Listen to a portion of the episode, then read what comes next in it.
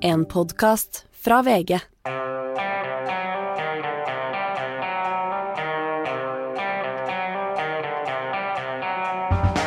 Ikke visste jeg at alle disse dagene som kom og gikk, eh, det var selve uke 48.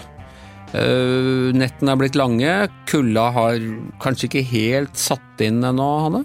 Nei, men den kom vel snart, har, vi, har jeg hørt rykter om. Men jeg ser på Y-rappen og ser jo ikke noe sånn 20 kuldegrader enda. Vi er blitt forespeilt på morgenmøtene her i VG, jeg vet ikke om dette er sånn uh, upublisert materiale som vi egentlig skal holde kjeft om, men at det skulle komme en uh, veldig kuldebølge, men uh, den har liksom ikke blitt noe av. Det er litt deilig at den ikke kommer, da. Det er bra på mange måter, annet fordi strømprisene har jo gått opp igjen. Så dette med at fulle vannmagasiner viste at kablene til utlandet ikke hadde noe å si likevel, det stemmer ikke.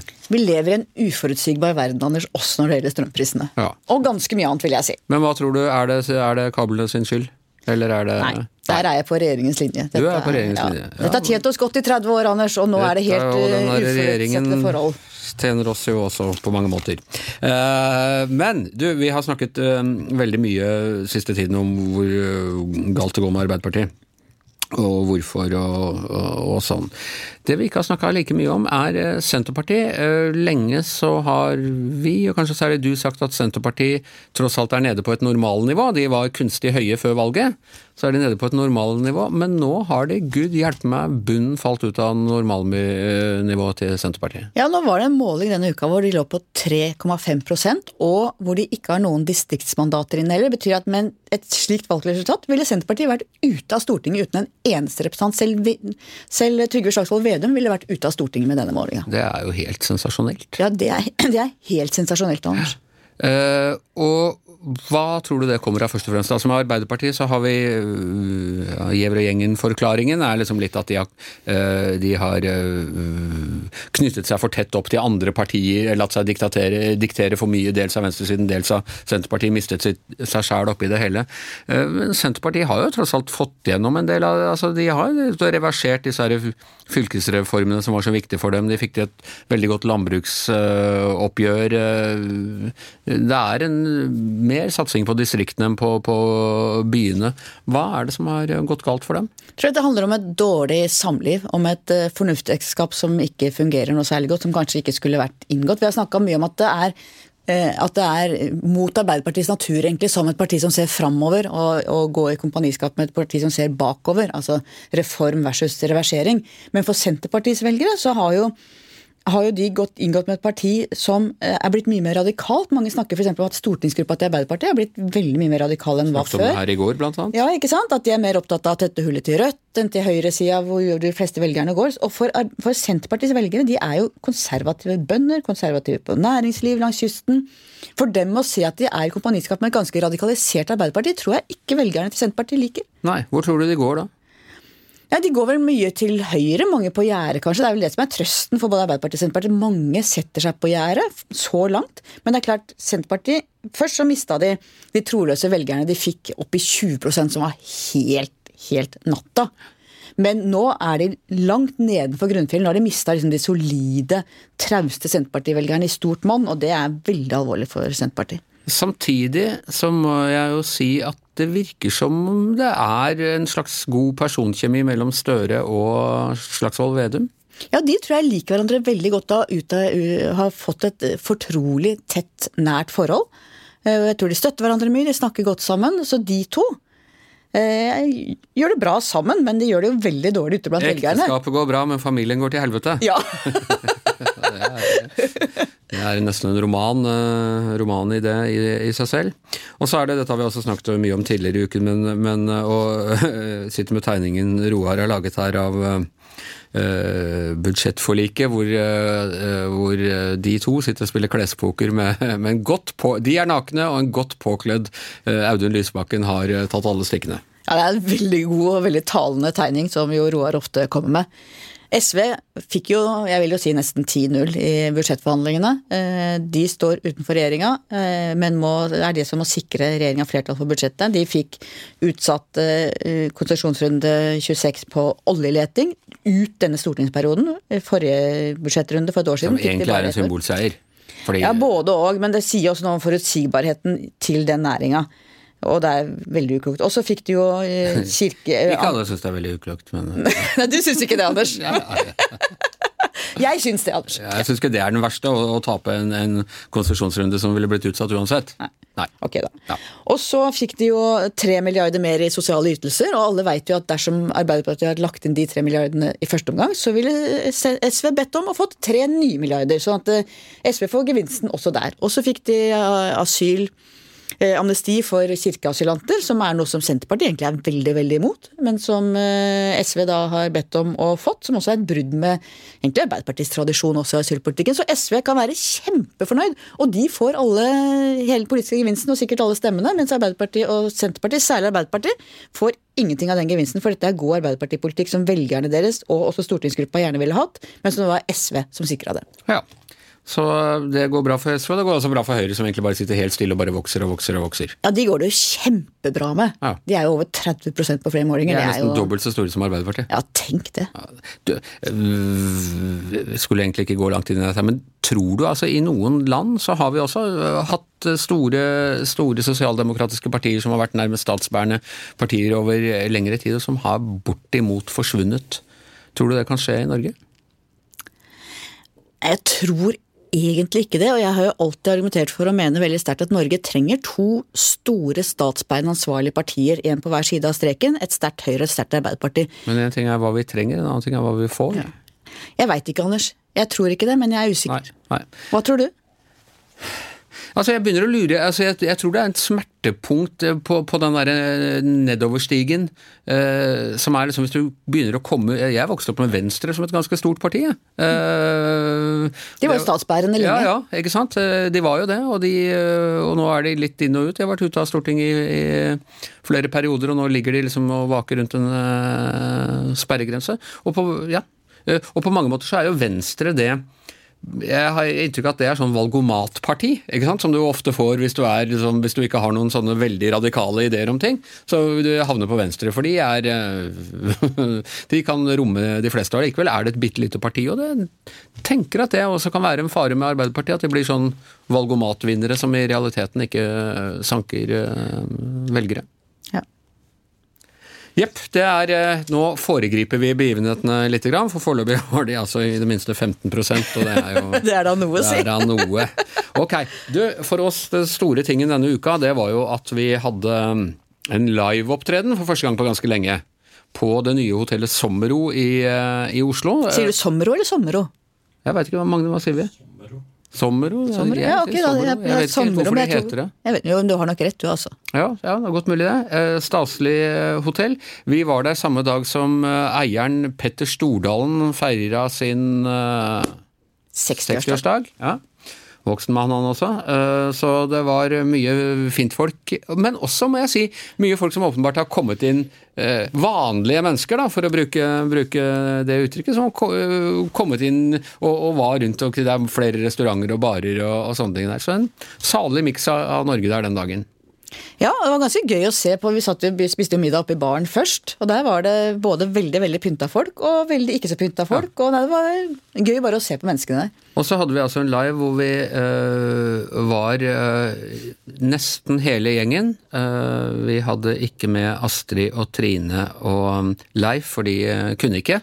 Men, men eh, ellers så, så var vi alle, og det var, scenen var såpass liten at vi måtte skifte litt eh, inn og ut. Og hadde en slags sånn oppsum, årsoppsummering, er kanskje galt å kalle det. Ja, En gjennomgang, kanskje? Ja, Gjennomgang av, av aktuelle temaer. Litt best of òg. Ja, litt best Litt sånne ting som vi vet, uh, vet vi kan noe om. Um, en av de tingene vi har snakket om, som på en måte griper inn i, i flere av de store verdensbegivenhetene, det er øh, hvordan, øh, hvordan Altså ja, øh, diktat, diktaturene strammer til. øh, Krig, undertrykking, men det er også gryende opprør mot diktatorene, ikke minst i, i Iran og i Kina. Ja, og det som har skjedd og blitt veldig tydelig i år, er jo denne avstanden mellom verdens demokratier og autoritære nasjoner. Og det har jo vært der hele tiden, men det er blitt enda mer klart framtredende nå. Eh, Og demokratiene har jo funnet mer sammen også, sånn som vi har sett eh, i Europa.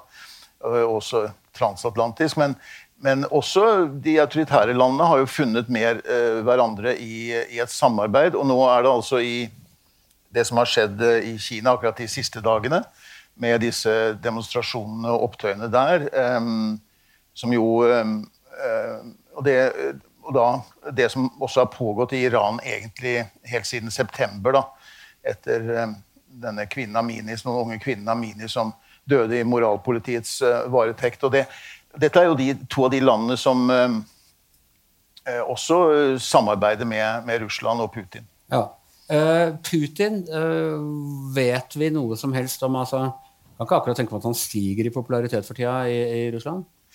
Nei, og i Russland så, så vi jo de eh, demonstrasjonene i første del av krigen. Da var det jo faktisk eh, mange som tok til gatene. og Eh, så har de lykkes å, slå ned det. Og det kan vel også godt være at, eh, at man i Kina klarer å, å, å, klare å slå ned de, de, demonstrasjonene som har vært. Vi ser jo allerede tegn på det, med massivt politioppbud og hvordan de bruker det der veldig avanserte overvåkningssystemet sitt til å til å følge opp de som går i gatene, og, og, og, og kalle inn de og, arrestere folk i stort antall. Um, det kan være at de klarer å få en viss kontroll, men jeg tror det er ganske tidsbegrenset. Altså, det er ikke noe de kan det er ikke noe de kan basere seg på, for, for, for det, som, det, underliggende blir ikke borte. Uh, og uh, jeg tror kanskje at det kan bli kan, uh, Vi kan komme til å se mye mer av det i året som kommer. tenker jeg. I Kina? I Kina, i Iran og også antagelig i Russland. Ja. Eh, hvor, hvor, risikerer man mest i de tre stedene ved å gå og protestere i gatene? Eh, altså i, eh, Vi har jo sett at eh, i Iran så er det jo mange hundre som er døde. Det er eh, vel nærmere nå 400 som man vet om som er blitt drept. Eh, det er jo sånn at Det som Kina står overfor, er nok på mange måter noe av det mest dramatiske som har skjedd siden 1989. Ja, som var da Den himmelske fredsplass, ja. Eh, hvor eh, sannsynligvis flere tusen ble, ble, drept i det blodbadet. Vi, vi, vet jo aldri det antallet, og det var i hvert fall mange hundre. Eh, kanskje noen tusen. Det var jo to interessante ting som skjedde samtidig da. Det var Khomeinis død, og så var det det som skjedde på Himmelske freds plass. og Det var veldig sammenfallende i tid. Nå er disse to stedene i, i fokus igjen. Og akkurat i kveld, og det er litt pussig, men akkurat i kveld så går pågår det en fotballkamp nå i VM i Qatar mellom da eh, den store Satan, som iranerne kaller USA, og et, et prominent medlem av ondskapens rike, som amerikanerne kaller ja. Iran. Ja. Så det er ondskap mot så, Satan. Ja. Hvem, er, hvem, hvem blir ondest til slutt? Ja, det er, uh, dette er jo fredelig kappestrid, da, i hvert fall på banen. Og, og med et lag som tross alt har eh, protestert da, mot, mot, ledelsen i sitt eget land og risikert ganske mye Ja, de sang jo ikke med Nei. på nasjonalsangen i den første kampen, og så mumlet de i den andre. Og så vet jeg ikke hva som har skjedd når de kom inn i dag. Uh, det, er, det, er, det er mye Altså, Iran har slått USA i fotball-VM én gang tidligere. Og det, liksom, det står som noe av det største i nasjonens sånn, i hvert fall idrettshistorie. Eh, at de klarte å gjøre det én gang. Og at det ville betydd Jeg tror regimet forsøker å benytte den muligheten så godt de kan, men det har ikke lykkes denne gangen. Du har også sett iranske tilskuere på tribunen som ikke har de det antrekket de skal ha, kvinnene.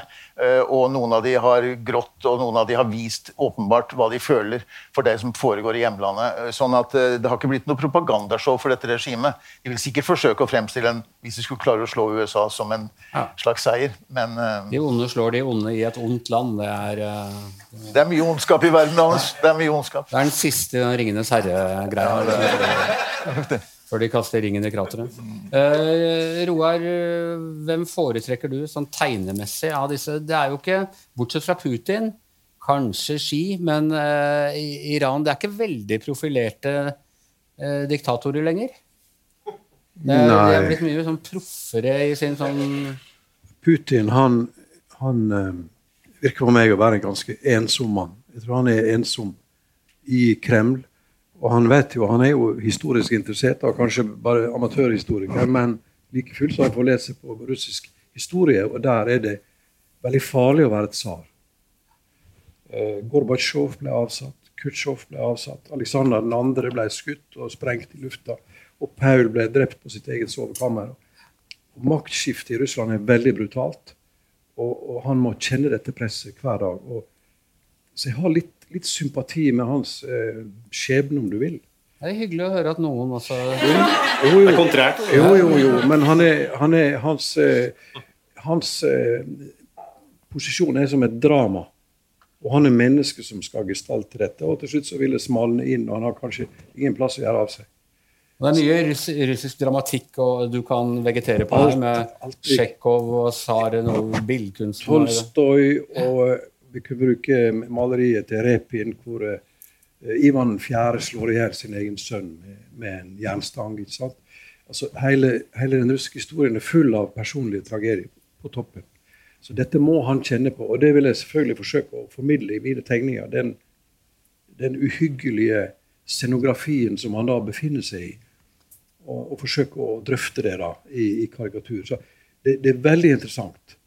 Og, og, da kan vi bruke russiske ikoner også, som eh, ikonmaleriet, som løkkuppelen, som flagget, som eh, skikkelser fra russisk historie og russisk kunst osv. Det er en ufattelig eh, interessant og, og, rik og omfattende nasjon vi står overfor, som også er vår nabo i nord.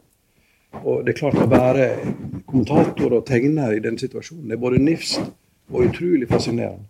Uh, per Olav, hvem, uh, hvem, av disse lederne som da er under press, tror du sitter mest utsatt til? Jeg ber deg ikke spå her, men, men hvor altså, sånn uh, maktpolitisk Jeg tror det iranske regimet sitter ganske utrygt. Altså, ja. Xi Jinping i Kina er nylig gjenvalgt for en tredje periode som partisjef. Uh, hele maktapparatet intakt. Han har samlet veldig mye makt i egne hender. Det er en persondyrkelse av lederen som riktignok også kan være et problem når det oppstår sånne situasjoner som nå, hvor også lederen da selvfølgelig blir holdt ansvarlig. Men samtidig, der er det så det, det, det, er vanskelig tror jeg, å se for seg at det regimet her i, eh, kan vakle med det. Så, men i eh, Iran så er det jo ikke Det som skjedde nå eh, i høst, var jo på det at det ble en veldig bred folkebevegelse. og det, det, er interessant å se både i Kina og i Iran så er det unge mennesker som leder an i demonstrasjonene og i opprøret med mot myndighetene. Ehm, eh, I Iran unge mennesker som ikke har noe som helst forhold til den eh, revolusjonen som skjedde eh, i, 79. og, som, og, som, har et ønske om et helt annet liv enn det de blir tilbudt i sitt hjemland. og noe av det samme tror jeg du ser også i, i Kina. Det er også mennesker som har vokst opp etter Tiananmen Square og opprøret den gang. Men jeg tror det iranske regimet har vært, det har vært en serie med opptøyer og opprør mot myndighetene der ulike, av ulike årsaker. Eh, sist så var det jo dette med prisøkninger. altså Der fikk de jo voldelige uttrykk med, med, med, store protester i gatene for tre år siden. er vel det. Eh, og jeg husker også etter det der presidentvalget da Ahmadinejad ble gjenvalgt i 2009 Eh, hvor det også var store og langvarige demonstrasjoner mot myndighetene. Og de mangler etter min oppfatning legitimitet i store deler av befolkningen. Eh, I Russland så har det jo jeg tror, jeg tror, Putin sitter mer utrygt enn det Xi gjør. og jeg tror Russland er veldig hardt jeg tror regimet er under veldig hardt press. Men, men eh, hvis jeg skulle tippe, så sitter det iranske presseskapet så skal vi huske på når det gjelder Kina, det tror jeg ikke vi skal undervurdere. I 89 så var det studenter, det var unge, det var på en måte elitens barn som gjorde opprør. Nå har de altså holdt befolkningen sin innelåst i blokker overalt. Vanlige folk, fabrikkarbeidere, i over to år. Og det er, Vi vet jo at det har vært mye potensial for lokale opprør i Kina i alle år. På midten av 2000-tallet så slutta de å publisere antall lokale opprør. Da var det mange mange tusen hvert år. 55 000-60 000 hvert år. Nå snakker de ikke om det lenger. Men jeg tror hvis først det regimet, eh, hvis først folk der virkelig mister tålmodigheten, så er det enormt farlig for regimet. Så jeg vil ikke undervurdere motstanden i det kinesiske folk heller, for nå er det mye bredere, mange flere som har grunn til å være forbanna enn det var før. Eh, per Olav og meg vi hadde for, for uh, litt siden så hadde vi gleden av å spise lunsj med en etterretningslegende. En av de virkelig berømte. James Bond. ja. Og så sa han ja, det er fint å tilhøre verdens beste etterretningsorganisasjon, men vi klarte aldri å forutse historiske hendelser. Murens fall, metoo, eh, you name it. Så Det klarte de ikke. altså. De klarte ikke å se det. Så alt kan jo skje. Og det vi ser med sterke ledere, er at de kan falle veldig brått. Ikke sant? De sitter veldig veldig stabilt til de plutselig faller. Så er det alltid veldig fascinerende at ting skjer ofte samtidig. Eh, det som skjedde i 89-90, når hele eh, den gamle eh, østblokken ramla sammen. De fikk Apartheid-regimet ble avskaffa i Sør-Afrika. Det samme i 1968, som var egentlig før medierevolusjonen. og sånne ting, så, var det, skjedde det plutselig masse opprør over hele verden. Så det er et eller annet som skjer eh, simultant, og det, det er litt vanskelig å forklare hvorfor det blir sånn. Men tenk- tenk Biorytmene våre det er biorytmen og det er planetene og sånn, men, men det er jo Hvis vi lever i en tid nå hvor hvis de regimene vi snakker om nå, faller, så er jo det en helt ufattelig periode å være i livet nå. Ja. Fordi det virker akkurat nå, så syns jeg at det er liksom, ja, ufattelig tid å være i. Men du er jo opptatt av 90-tallet, og for så vidt jeg også. Alt, vi snakket om 1989 her og Tiamen Square, og det var en utrolig tid. Og, og vi gikk inn i fremtiden med en utrolig eufori. Den er litt vanskeligere å ta med seg akkurat nå. for det. Nå er det demokratiene som er på tilbakegang, ikke de autoritære regimene. Tvert om, det er de som Samtidig, vokser. men samtidig så må jo, det er jo ganske utrolig hvordan Europa for eksempel, har, har møtt eh, Ukraina-krisa. Hvordan eh, det har revitalisert på en måte det europeiske samarbeidet. og Sånn sett så kan du si at demokratiene var på nedtur, men at vi da nå er i en situasjon hvor det er veldig uklart. Kanskje vi står foran en demokratisk eh, revitalisering også. Det er veldig veldig spennende, veldig rare tider. Så har du jo fått USA til å fokusere mer på Europa igjen. Ja. Eh, De som egentlig er mer opptatt av konkurransen og rivaliseringen med Kina. Ja, nå så jeg en ny meningsmåling handler om at eh, støtten til både EU og EØS var synkende igjen etter en liten sånn, et lite bluss her tidligere i år. Ja, Det er ikke sikkert vi får en medlemskapsdebatt nå heller. Ikke vi- Dessverre. Jeg tror ikke vi, vi gjør det. Men det er klart at uh, sånne tider skaper jo et, et sterkere liksom, følelse av europeisk fellesskap, selv om man ikke nødvendigvis er, er for medlemskap i uh, EU. Uh, vi snakket også en del om eh, den rasismedebatten som har eh, kommet i eh, i kjølvannet av eh, eh, Atle Antonsens eh, verbale angrep på Sumaya Jirde Ali for noen uker siden. Og en kronikk skrevet av vår tidligere kollega Mala Wagna Wien i, i Aftenposten, hvor hun brukte overskriften 'Hvite kulturmann, din tid er over'. Er det en rettferdig beskrivelse? Uh, å liksom si hvite kulturmenn, at de er et slags rasistisk problem i Norge? Oh, uh, vi har jo hatt noen eksempler nå i det siste, noen uheldige eksempler. Men jeg tror Mala uh, har forsøkt å Men det har man jo med folk av andre yrker og Ja, eh, andre hudfarger og sånne ting òg. Men, men ikke sant, både metoo og dette her, det er, føles som en overrepresentasjon. Det er det jo ikke. Det er bare det at det skaper mer oppmerksomhet. men, for men, folk hvis- vi Hvis en drosjesjåfør hadde gjort et eller annet forferdelig, så hadde vi ikke sagt 'brune taxisjåfør, din tid er over'. Eh, det, er jo, det er jo en voldsom I, I hvert fall ikke åpent. Nei, nei, nei, nemlig. Nei. Så er Nei, liksom, altså det- Jeg skal ikke, skal ikke gråte for min egen mor, sykemor, eller hva det heter, men jeg føler jo at det er bare Ja, én skjønner gruppe det er det er lov til å henge ut på den måten. Jeg veit at det er litt vondt. Jeg vet akkurat den følelsen. Men uh, um, det Mala gjør, er at hun, hun bruker på en måte en metode for å skape litt ekstra temperatur. Og jeg er ikke sikker på om vi trenger noe mer temperatur Nei. eh, i, i denne saken. Det er ikke min eh, Jeg har ikke noe tro på at det er eh, Det skaper riktignok debatt og harme og eh, mange følelser, men jeg veit ikke om det er det som skaper endring. Nei. Det må jeg ærlig si. Hvite kulturmann Yngve Kvistad, kulturjournalistikk, en lang karriere. Føler du deg krenka av eh, en sånn overskrift? Nei. Nei. Fordi du veit det ikke handler om deg? Ja, det håper jeg jo, da. Eh, men eh, altså, vi har jo hatt fantastiske uttrykket 'kulturkjerringa', som er et veldig egentlig positivt lada uttrykk, med, sånn som det er blitt oppfatta. Så kanskje motstykket, da. Ja, men er, Man har tatt det litt til seg og, og gjort det til positivt. Det var vel ikke positivt ment da det. først kom? Nei. Eh, hva- hva tenker du om det, Hanne? Er det, er det greit at vi snakker til hverandre på den måten? Nei, Jeg er enig med Shazi at jeg tror innestemme og det, Vi trenger ikke mer temperatur i debatten. Det vi trenger, er den store samtalen. Som preges av raushet, og vi kan høre på hverandre og på en måte lytte hverandre ut. og som Shazia har snakket om, ikke sant? Hva, hva ønsker hun at jeg og andre kollegaer skal gjøre hvis hun blir utsatt for den i vår nærhet? Hvordan skal vi takle det? Hva, hva forventer vi av hverandre? Så jeg er helt enig med Charles. Vi trenger ikke høyere temperatur. Vi trenger mer samtale og mer åpenhet og mer raushet alle veier. For det er lett å misforstå hverandre, det er rett å tråkke feil, og det må være lov.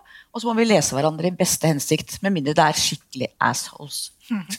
Helt enig med assholes. Men jeg tenker at det er ikke så lenge vi har hatt um, Hva skal jeg Mørkhudede, kan jeg si det? uh, I Norge. jeg kan. Uh, I dag så, så ringte Morgenbladet, og så sa jeg mange ting. Og så sa jeg Blir jeg behandlet annerledes fordi jeg er svart? Og så spør hun meg etter, etter intervjuet kan jeg skrive det. Kan jeg skrive at ja, jeg bare, ja, du kan skrive det om meg, men om andre så må du skrive etnisk minoritetsbakgrunn. Så jeg kan si svart om meg selv. Men eh, nei, det jeg skulle si, var at vi har ikke Vi har ikke vært et så uh, fargerikt fellesskap så veldig lenge. Vi lærer fortsatt hverandre å kjenne. Hvordan vi skal snakke sammen, hvordan vi er, hvilke utfordringer vi har. Uh, og det gjelder oss. Alle parter, da. Både de som er etniske minoritetsnordmenn, og de som er, har innvandrerbakgrunn. Eh, så det er en, en, jobb som begge parter må gjøre, og det gjør vi nå når vi eh, som blir utsatt for rasisme, forteller hvordan det oppleves, og når man er villig til å lytte. Nå hørte jeg på altså, våre kolleger i Podme, eh, podkasten eh, Tore og Haralds podkast. Eh, Tore Sagen og Harald Eia. Eh, de skulle først snakke om denne saken. Droppa det i første episode fordi det er såpass følsomt. Uh, og så måtte de lage en ekstraepisode, vel verdt å høre, alle, alle bør få med seg den. Uh, men der sier de jo noe om um, hva som kan ha vært den altså For Atle Antonsen har åpenbart ment i utgangspunktet å være morsom. Uh, eller det er en eller annen altså Intensjonen der har ikke vært å skulle skjelle ut, eller noe sånt. Og, og, de nevner at det er noe om at når ting blir så følsomt, Altså, Hva vet vi om Sumaya Jirdali? Vi vet at hun er muslim, vi vet at hun går med hijab. Uh, vi vet hvilken hudfarge hun har, vi vet at hun er blitt mye hetsa. Og så på en eller annen sånn, nesten sånn uh, Tourettes-aktig måte så går han da rett dit. Uh, og er det noe Du snakker om også hvordan kan, du spør kan jeg si mørkhudet. altså, det er mange minefelt og kan de minefeltene på en måte bidra til det? At du, at, at du blir helt besatt av disse tingene uh, og på ikke skulle tråkke feil, og så, og så, får du sånne hysteriske utbrudd som det der? Jeg tror at vi må bli flinkere til å lese hverandre. Det er derfor jeg tenker på dette her med at vi har ikke vært lenge nok, og vi har ikke vært nære nok lenge nok. Er jeg med gode venner, er jeg med mine kolleger i min avdeling, så, så kan dere kødde med meg om det meste. Jeg tar meg ikke nær om det. Men hvis ikke du kjenner meg, så, så, så, må du være, du må være obs på hvilke erfaringer som er der ute. Og at du kan du heller være litt forsiktig. Altså, det Mala opplevde, var jo helt eh, ekstremt, det også. Når noen kaller det 'jævla muslimhore', så er det ikke noe å lure på. Det, det, hun opplevde, er eh, rett og slett Da var det heldigvis folk som greip inn også rundt. da. Ja, han ble jo kastet i bakken og, og, og bannlyst fra det arrangementet på livstid. Ja. Men uh, Yngve, du har skrevet mye om, uh, om, humor i VG opp gjennom årene. Uh, det blir jo hele tiden sagt at nå kan du faen ikke si noen ting lenger. men det er også et poeng. altså Ting er blitt veldig mye mer sensitivt. Masse vitser som for 20 år siden var gangbare, som man ikke kan holde på med nå. Ja, heldigvis. men det har jo noen ting, altså, men sånn har jo humoren alltid vært. altså Humoren er ikke noe som lever i en, en boble eller i en enklave. Det, humoren utvikler seg i tråd med samfunnet rundt. Eh, det har ofte vært snakk om at nå har vi den nye humoren osv. Uh, som da ofte er en uh, protest eller en reaksjon på det som har vært før. og Det har vært mye snakk om at Lille Lørdag og Harald Eia og det var som, sånn, som protest mot Vesensten og, og Rolf Wesenlund og revyhumor. da. Men, det, men da glemmer jeg at det var også en protest i sin tid. Altså, da de, ja, nemlig da de starta den såkalte jazzrevyen altså sammen med Mon Iversen og, og Einar Skanke og sånn på, på Chat Noir og etter hvert også, eller, også Edderkoppen, så, så, var jo det nettopp som protest uh, mot det som hadde vært før igjen. ikke sant? Sånn at Det er noe så. Men, de svigermorvitsene som de drev og fortalte, de kan du ikke fortelle i dag. Rett og slett fordi man ikke syns det er så gøy lenger. ja, blant annet. Og, Og svigermødre, det er mye greier. så er det jo liksom sånn Ja, ikke sant, det er noen ting med den, den, den eh, klangbunnen, da. Men jeg vil jo påstå det at humoren i dag har jo aldri egentlig før hatt videre rammer eh, altså, eh, enn i dag. Uh, Simpelthen fordi at at eh, du kan egentlig si eh, hva du vil, bare at du må gjøre det smartere. Og, og du må gjøre det mer elegant, og du må gjøre det mer sof- sofistikert og du må gjøre det mer tenksomt. Så det stiller mer, eh, større krav da, til den som på død og liv skal være morsom. Men uh, en opplagt sammenligning er selvfølgelig at uh, det er ikke så mange år siden at man ikke kunne fleipe med kongehuset. Uh, det var et stor skandale, eller holdt på å bli en skandale, da da Henki Kolstad skulle invitere kong Olav på hans egen jubileumsforestilling på Nationaltheatret. Og det han lille han gjorde, var at han gikk ut på scenen og så dro en sånn forsiktig latter. Og da var det fullt av lesebrev i Aftenposten de nærmeste dagene. Altså. Så Ja, altså det, Folk vil jo alltid bli uh, irritert og krenka av ting, og det er jo humoristens oppgave også da å på en måte tøye grensene. og finne, Men jeg er jo ikke helt, hvis det er sånn at, at humoren nå må være smartere og mer sofistikert, så tror jeg kanskje humoren gjør litt feil i dag. da. Mye av den humoren vi har i dag som ikke er spesielt sofistikert. Er, er, I hvert fall i Norge, kanskje. Men jeg skal tilbake til Anders du nevnte 90-tallet. fordi at det med litt mer ehm, Jeg føler meg veldig knytta til det tiåret. Og, den, det tiåret var veldig prega av ironi. da. Uh, og, og ironien gikk egentlig ikke mot det gikk mot de foregående generasjonene, mot 68-erne f.eks. Uh, men de, i bunnen så lå liksom hele tida at vi var Jeg sier vi, da. Uh, var, det, var det moderne. Vi var skikkelig moderne. Unge, unge hvite kulturmenn. Ja, men, vi, men, men det var ikke så viktig. Poenget var bare at vi var, vi var, eh, vi var liksom moderne. Vi var antirasisme. Altså. Det var jo en selvfølgelighet. sant? Men da, og da, da tillot man seg på en måte å kødde med ting Uh, ut fra en plattform at, at vi, vi Dette mener vi ikke i hele tatt. Sant? Men det, det lar seg ikke, det, det, det resonnerer ikke lenger, fordi, fordi samfunnet har endra seg. Og, og, og minoritetene har begynt å si fra at «Øh, det her er ikke noe morsomt. Og, da, da, og Det tror jeg kanskje kunne også være noe, Uten at vi vet hva som skjedde med Atle Antonsen den kvelden, så kan det jo være oppstått en sånn situasjon at, at hans humor rett og slett ikke lenger funker. Altså. Jeg er jo ikke noe humordronning, men Å jo da, Shazia! Det er du. takk. Se her. Hva er det med standup? Hele Nei, salen men- cracks up. Dette er kjempebra. Nei, men humor er det ikke sånn at man skal, man skal sparke oppover, ikke nedover. Er ikke det en sånn veldig Man må ikke, enkel, men, men er- helst, da? Ja. Du kan jo gjøre hva som helst i humoren, det er det som poenget, bare det er morsomt nok. da, Men at det Atle ikke, Antonsen ikke var jo definitivt ikke morsom, da, ikke sant? fordi at han sparket nedover. Så det betyr, Hanne, at jeg kan sparke på deg, for du er over meg i rangen, men du kan ikke sparke på meg. Det er ikke noe gøy.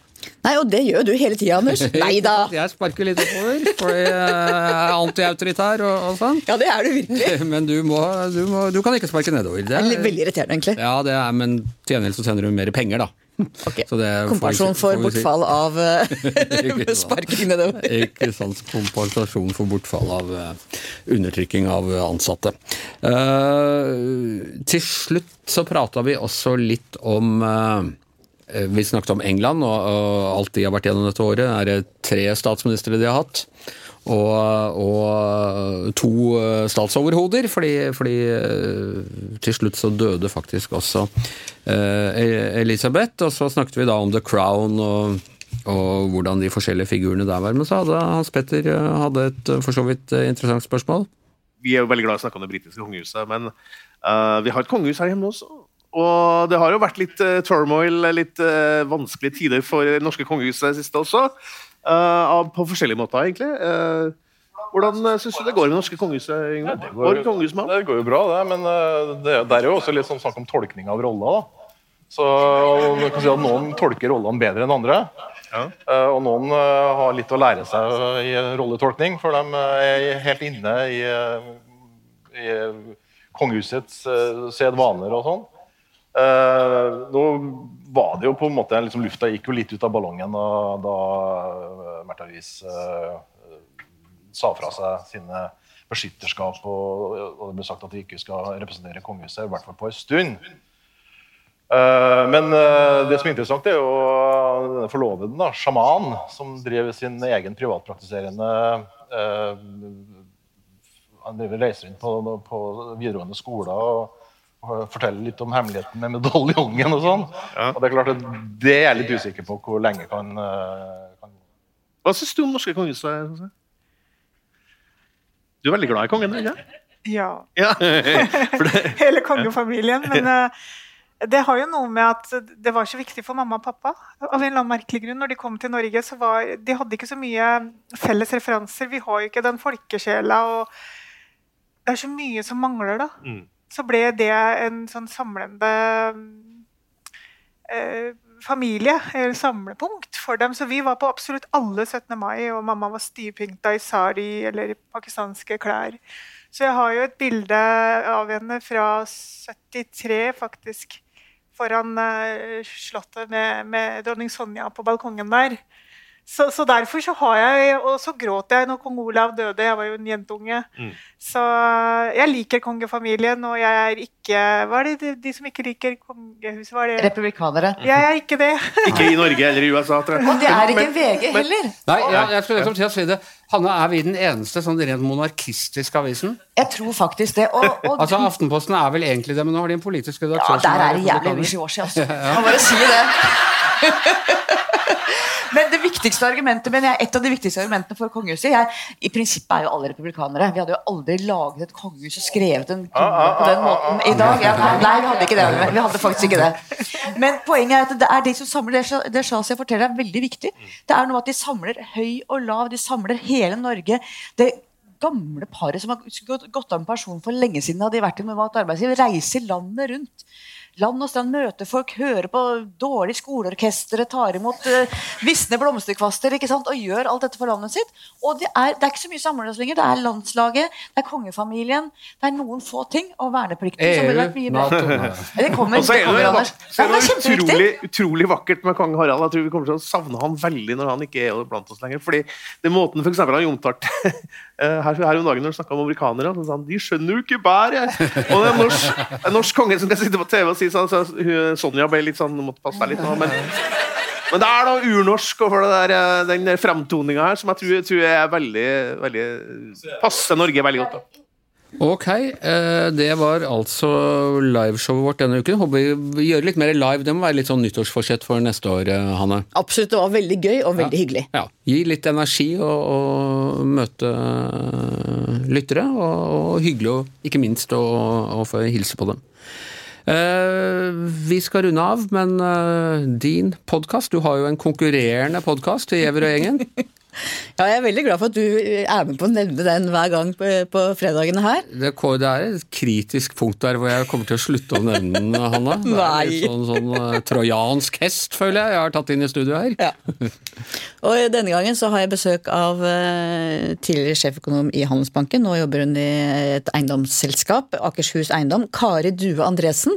Hun har også jobba i Norges Bank i pengepolitisk avdeling. Hun kan masse om økonomi. Vi snakker om inflasjon før og nå. Altså hva, hvilken situasjon er vi egentlig i, og hva betyr det for verden, for Norge? Funker 70-tallets medisin eh, mot inflasjonen, eller må man på en måte få høy arbeidsledighet for å bekjempe renteøkning osv.? Så, videre. så snakker vi om de store tenkerne, da. Ja. Adam Smith og Adam Smith, ja. Hvordan går det med han? Han er død, Ja, men han lever. Ja. Hans teorier lever. Hva tror du? Blir det mer inflasjon? Blir det dyrere til neste år? Det blir nok dyrere til neste år, eh, men mest av alt så går hun inn i på en måte å, å forklare og, tegne et bilde av ganske dyster, dyster tid akkurat nå, altså. Meg. Ja. Ja. Nei, det, vet ikke om jeg Altså, det kommer jo alltid sånne eh, scenarioer for neste år og sånne ting mot, mot slutten av året. Jeg vet ikke om jeg gleder meg til, til årets. Liv. Tenk deg inflasjonen i mellomkrigstida i Tyskland, Anders. Ja, ja. Det gikk jo veldig gærent. Det gjorde det. det gjorde det. Jeg, tenker mye, og jeg tenker altfor mye på det, vil jeg si, egentlig på, på 30-tallet. Og tenk deg for folk på den tiden, når det plutselig går opp for dem Hei, hvorfor kaller vi denne tiden for mellomkrigstiden? Ikke sant? Den vitsen tror jeg jeg har dratt før. Ja. Men den er ganske god. Den er ganske god. Ok, da runder vi av. Eh, Jeg tror rett og slett jeg bare sier tusen takk til hele gjengen nå, jeg, fordi nå, nå er jeg litt usikker på hvem som øh, var med på alle øh, disse klippene. Eh, Men ekstra takk til Hanne som er her i studio. Jeg heter Anders Giæver. Da vi inviterte til den liven, så måtte man svare på en sånn quiz. Eh, med spørsmål fra for Gjever og Gjengen-lyttere. Og eh, ikke veldig vanskelige spørsmål. Det mest interessante var at det var 1% av de som svarte, trodde at vår produsent ikke het Magne, men Magnus Antonsen. En ekstra hilsen til dere som trodde det, eh, og så høres vi igjen neste uke. Du har hørt en podkast fra VG. Ansvarlig redaktør, Gard Steiro.